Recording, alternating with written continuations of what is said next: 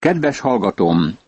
Mózes negyedik könyvéből a 27. rész 15. versétől a 19. verséig olvassuk Isten igéjét. Mózes így felelt az Úrnak. Az Úr, a minden embernek lelket adó Isten rendeljen egy férfit a közösség élére. Az legyen előttük jártukban, keltükben, vezesse harcba, és vezesse haza őket, hogy ne legyen olyan az Úr közössége, mint a pásztor nélkül való nyáj. Az Úr ezt mondta Mózesnek, vedd magad mellé Józsuét, Nún fiát, akiben van lélek. Tedd rá kezedet, állítsd Eleázár pap és az egész közösség elé, és előttük iktasd be tisztébe. Valakinek el kell foglalni a Mózes helyét annak lélekkel beteljesedett embernek kell lennie. Most világossá akarom tenni, hogy a kézrátétel nem tesz valakit lélekkel beteljesedetté, és nem ad neki semmilyen hatalmat. Ez csupán azt jelzi, hogy valaki részesévé lesz az ember vállalkozásának. Emlékeznünk kell arra, hogy a gyülekezetben rátették kezüket Párra és Barnabásra, és elküldték őket Antiókiából a missziómezőre. Vajon ez hatalmat adott nekik? Egyáltalán nem. A hatalom Isten szent lelke által érkezett. Ezzel azt mutatták be, hogy a gyülekezet elismerte velük való együttműködésüket ebben a misszionárius vállalkozásban. Ez a jelentése a kézrátételnek. Józsué lett Mózes utódjává. Miután Mózes letette a munkát, Józsuénak kellett azt fölvennie. Nagyon sokat megtudunk erről az emberről, amikor Józsué könyvéhez érkezünk. Itt csak azt akarom mondani, hogy gondolatom szerint Józsué volt a leginkább meglepett ember a táborban, amikor őt választotta ki az úr Mózes utódjául. Tudod-e, hogy honnét gondolom ezt? Ő átlagember volt. Senki sem mondogatta, hogy Józsuénak nagy tehetsége, vezetési képessége és egyéb talentuma van, mint ahogy ma halljuk egyesekről. Nyilvánvalóan Józsué nem is rendelkezett ilyennel, mert átlagember volt.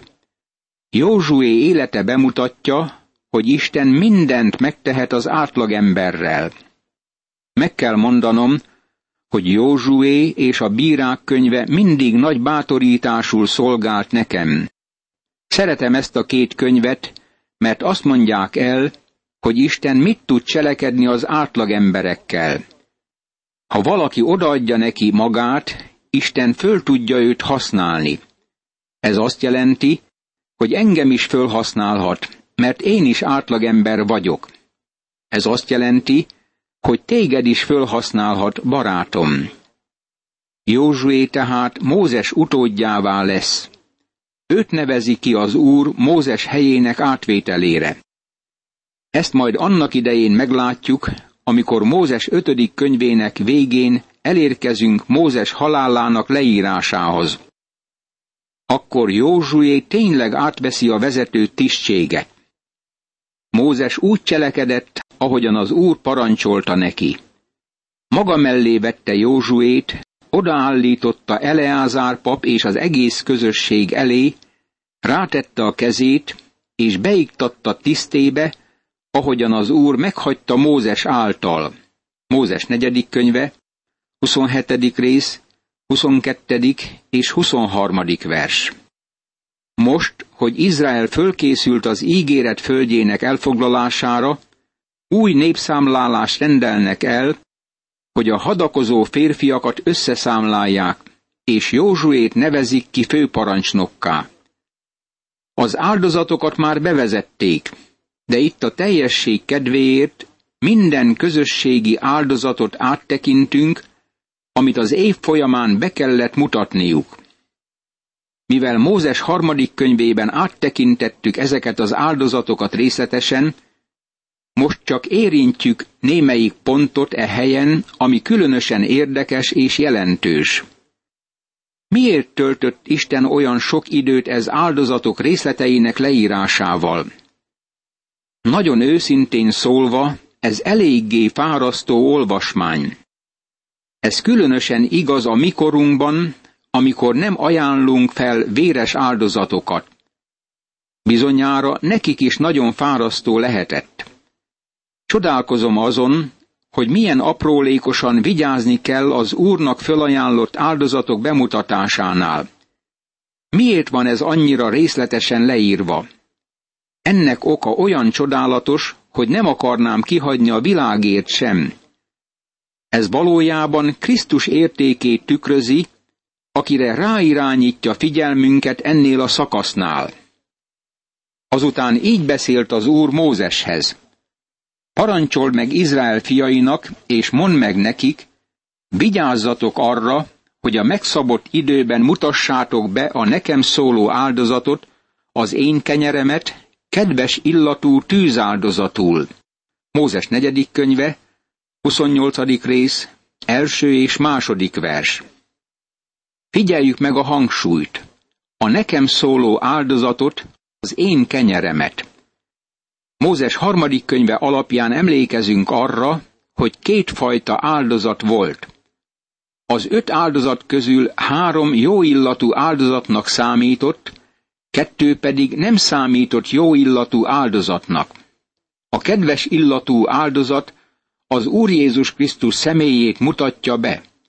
A nem kedves illatú áldozat beszél Krisztus megváltó munkájáról. Itt Isten beszél a kedves illatú áldozatokról, és ezeket az én áldozatomnak nevezi.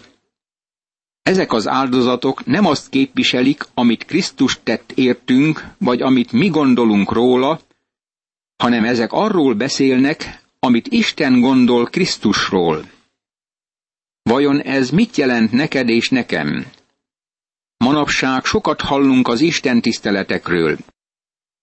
De mennyi az igazi istenimádat a mi Isten tiszteleteinken? Nincs-e bennük sok céltalan tevékenység? Az igazi Isten tisztelet az, amikor Isten gondolatait próbáljuk követni. Ez a kedves illatú fölajánlás, ami az ő áldozatáról, az ő kenyeréről beszél, és azt mutatja be ezzel, amit Isten gondol Krisztusról. Barátom, Isten megelégedett azzal, amit Krisztus tett, érted és értem a kereszten. Te mit gondolsz erről? Te is megelégszel azzal, amit Krisztus vállalt érted a kereszten? Megnyugszol ebben ma is? Ő így hív téged. Jöjjetek hozzám minnyájan, akik megfáradtatok és megvagytok terhelve, és én nyugalmat adok nektek. Oda vitted-e már bünterhedet hozzá, és elfogadtad-e már, mint megváltódat? Elége neked az, amit ő tett, érted? Ha ő nem Isten fia, akkor amit tett, annak semmi jelentősége sincs előtted. Az igazi Isten tisztelet Krisztus elfogadása és az ő imádata. Más szóval Isten szemével tekintünk Krisztusra. Mondd meg nekik, ezt a tűzáldozatot mutassátok be az Úrnak. Naponta két hibátlan, egyéves bárányt állandó égő áldozatul. Mózes negyedik könyve, 28. rész, harmadik vers. Ez az égő áldozat Krisztus személyéről beszél. Az égő áldozat füstje fölszáll. Ez az áldozat mindeneknél fontosabb vonására mutat, vagyis arra, hogy eljut Istenhez. Amikor elérkezünk a 29. fejezethez, megfigyelhetjük majd a fölajánlási törvények folytatása képpen. Isten azt akarta, hogy népe örömmel járuljon elé ezeken a csodálatos szent napokon. Egyedüli kivétel az engesztelés napja volt. Ennek a hetedik hónapnak a tizedik napján szent összegyülekezésetek legyen. Tartóztassátok meg magatokat, és semmiféle munkát ne végezzetek. Mózes negyedik könyve, 29. rész, hetedik vers. Ez a Mózes harmadik könyvében megadott törvény ismétlése volt. Ugyanennek a hetedik hónapnak a tizedike az engesztelés napja.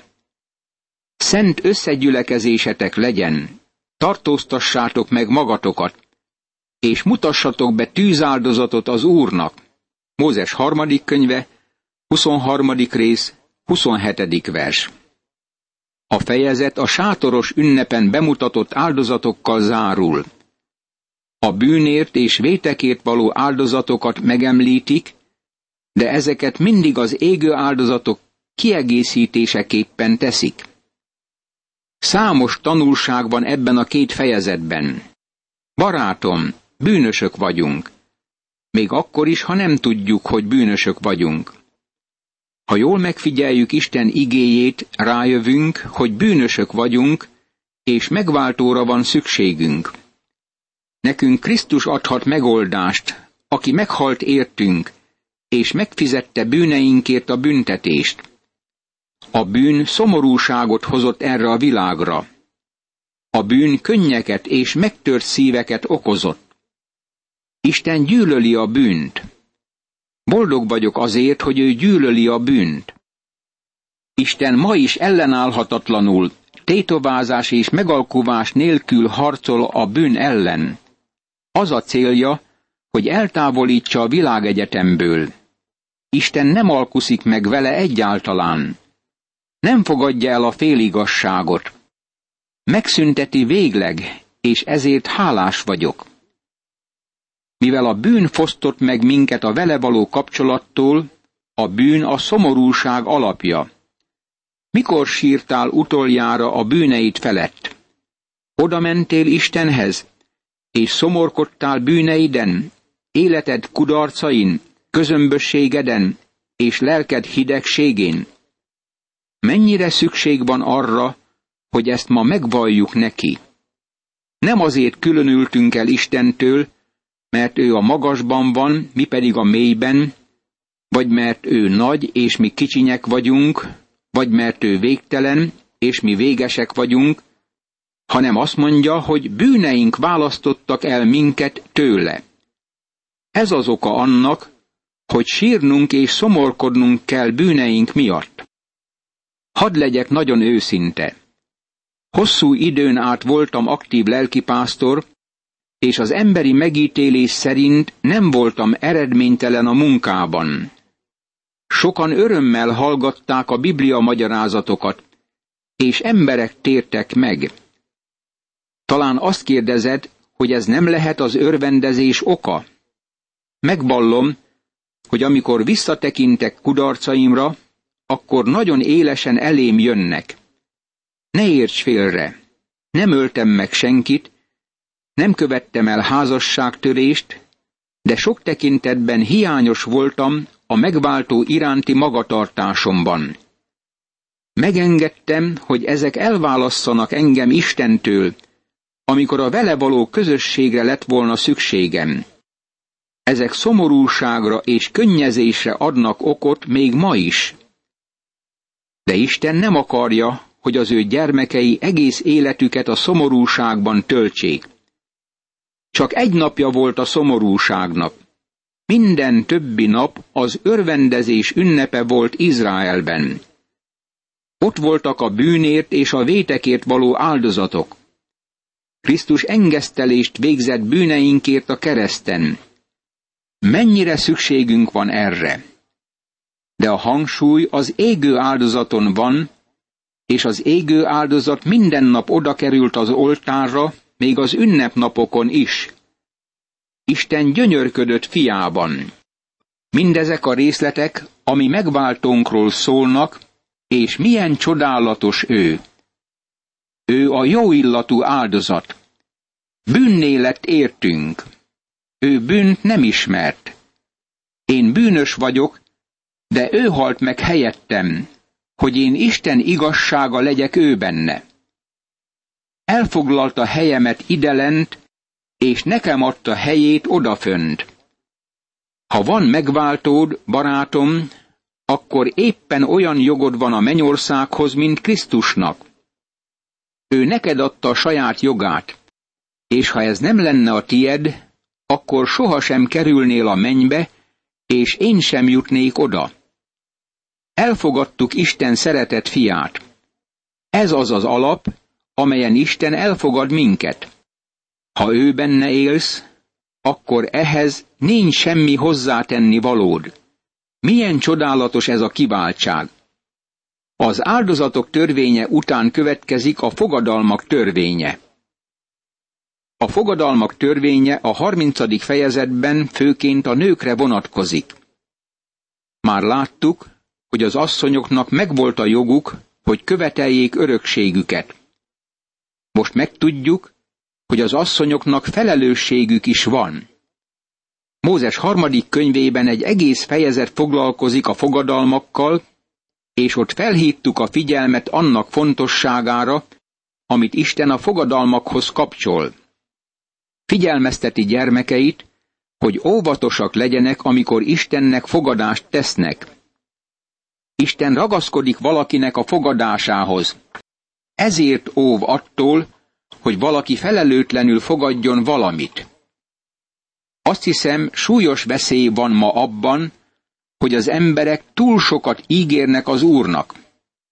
Amint közeledtem lelkipásztori szolgálatom vége felé, nagyon tétovázva kértem az emberektől, hogy bármilyen fogadalmat tegyenek Isten előtt, kivéve, hogy fogadják el Jézus Krisztust, mint megváltót. Miért? Mert sok embert láttam az oltárnál, hogy oda szentelték életüket, és aztán megszekték fogadalmukat. Isten nem kéri tőlünk a fogadalmat. Ez önkéntes. De ha vállaltuk, akkor tartsuk meg, mert Isten számon kéri rajtunk fogadásunkat. Azután így beszélt Mózes Izrael fiai törzsfőihez. Ezt parancsolta az Úr. Ha férfi tesz fogadalmat az Úrnak, vagy esküdtesz arra, hogy megtartóztatja magát, ne szegje meg a szabát, hanem tegyen meg mindent úgy, ahogyan kimondta. Mózes negyedik könyve, harmincadik rész, második és harmadik vers.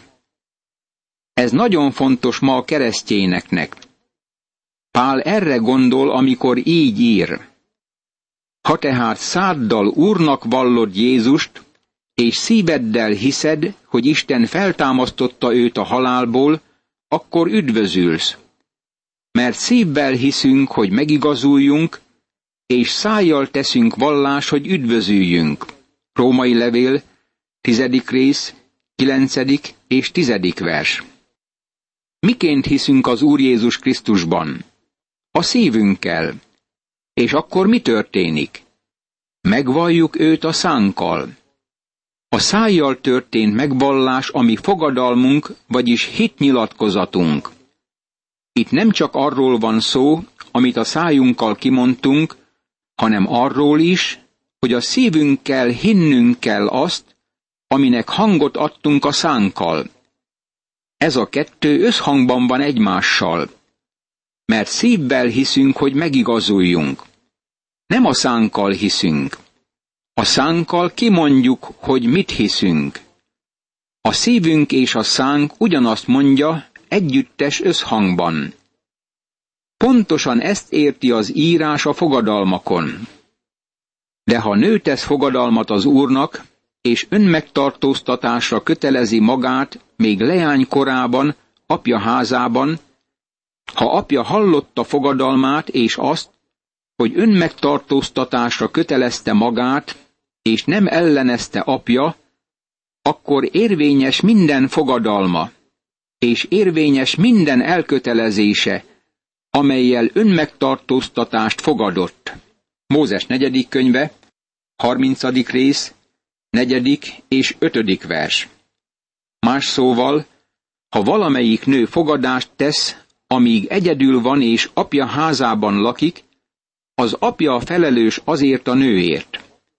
Ha az apja csöndben marad, amikor hallja annak a nőnek a fogadalmát, akkor az a fogadalom érvényes marad. De ha az apja ezt mondja, várj egy kicsit, ezt az öltönyt vetted, és én nem akarok érte fizetni, akkor ő mentesül ez alól. Akkor a fogadás nem kötelező. Ha azonban ellene mond neki az apja, amikor hallja őt, akkor nem érvényes semmiféle fogadalma vagy elkötelezése, amelyel önmegtartóztatást fogadott. És az úr megbocsát neki, mert az apja mondott neki ellene. Mózes negyedik könyve, 30. rész, 6. vers. Mi történik akkor, ha a nő már férjezett? Pedig úgy megy férjhez, hogy fogadalom terheli, vagy meggondolatlan beszéddel kötelezte el magát, és a férje hallott róla, de amikor hallott róla, nem mondott ellene, akkor érvényesek a fogadalmai, és az az elkötelezés is érvényes, amelyel önmegtartóztatást fogadott.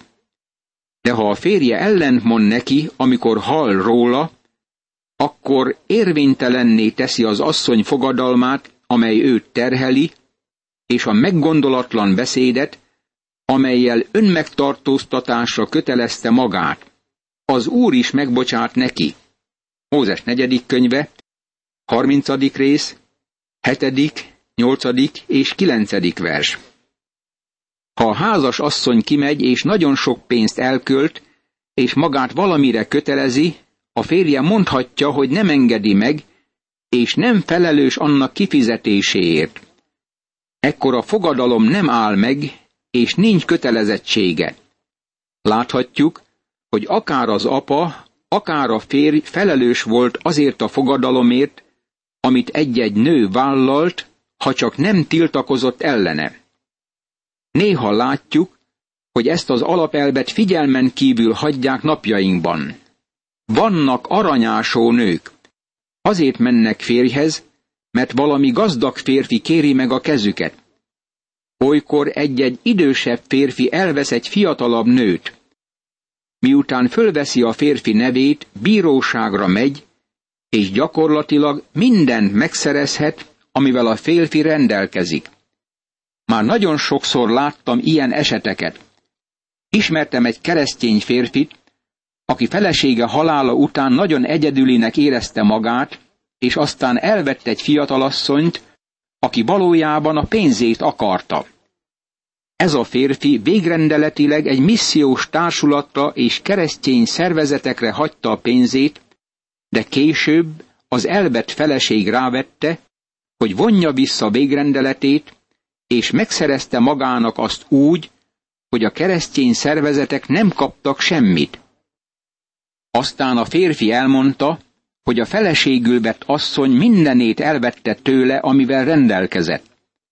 Ez az emberiség ostobaságának a története. Isten azt mondja, hogy a férfinak nem kellene ilyet megengednie. Imádkozzunk! Istenem, segíts, hogy neked tett fogadásaimat mindig hűségesen megtartsam. Ámen.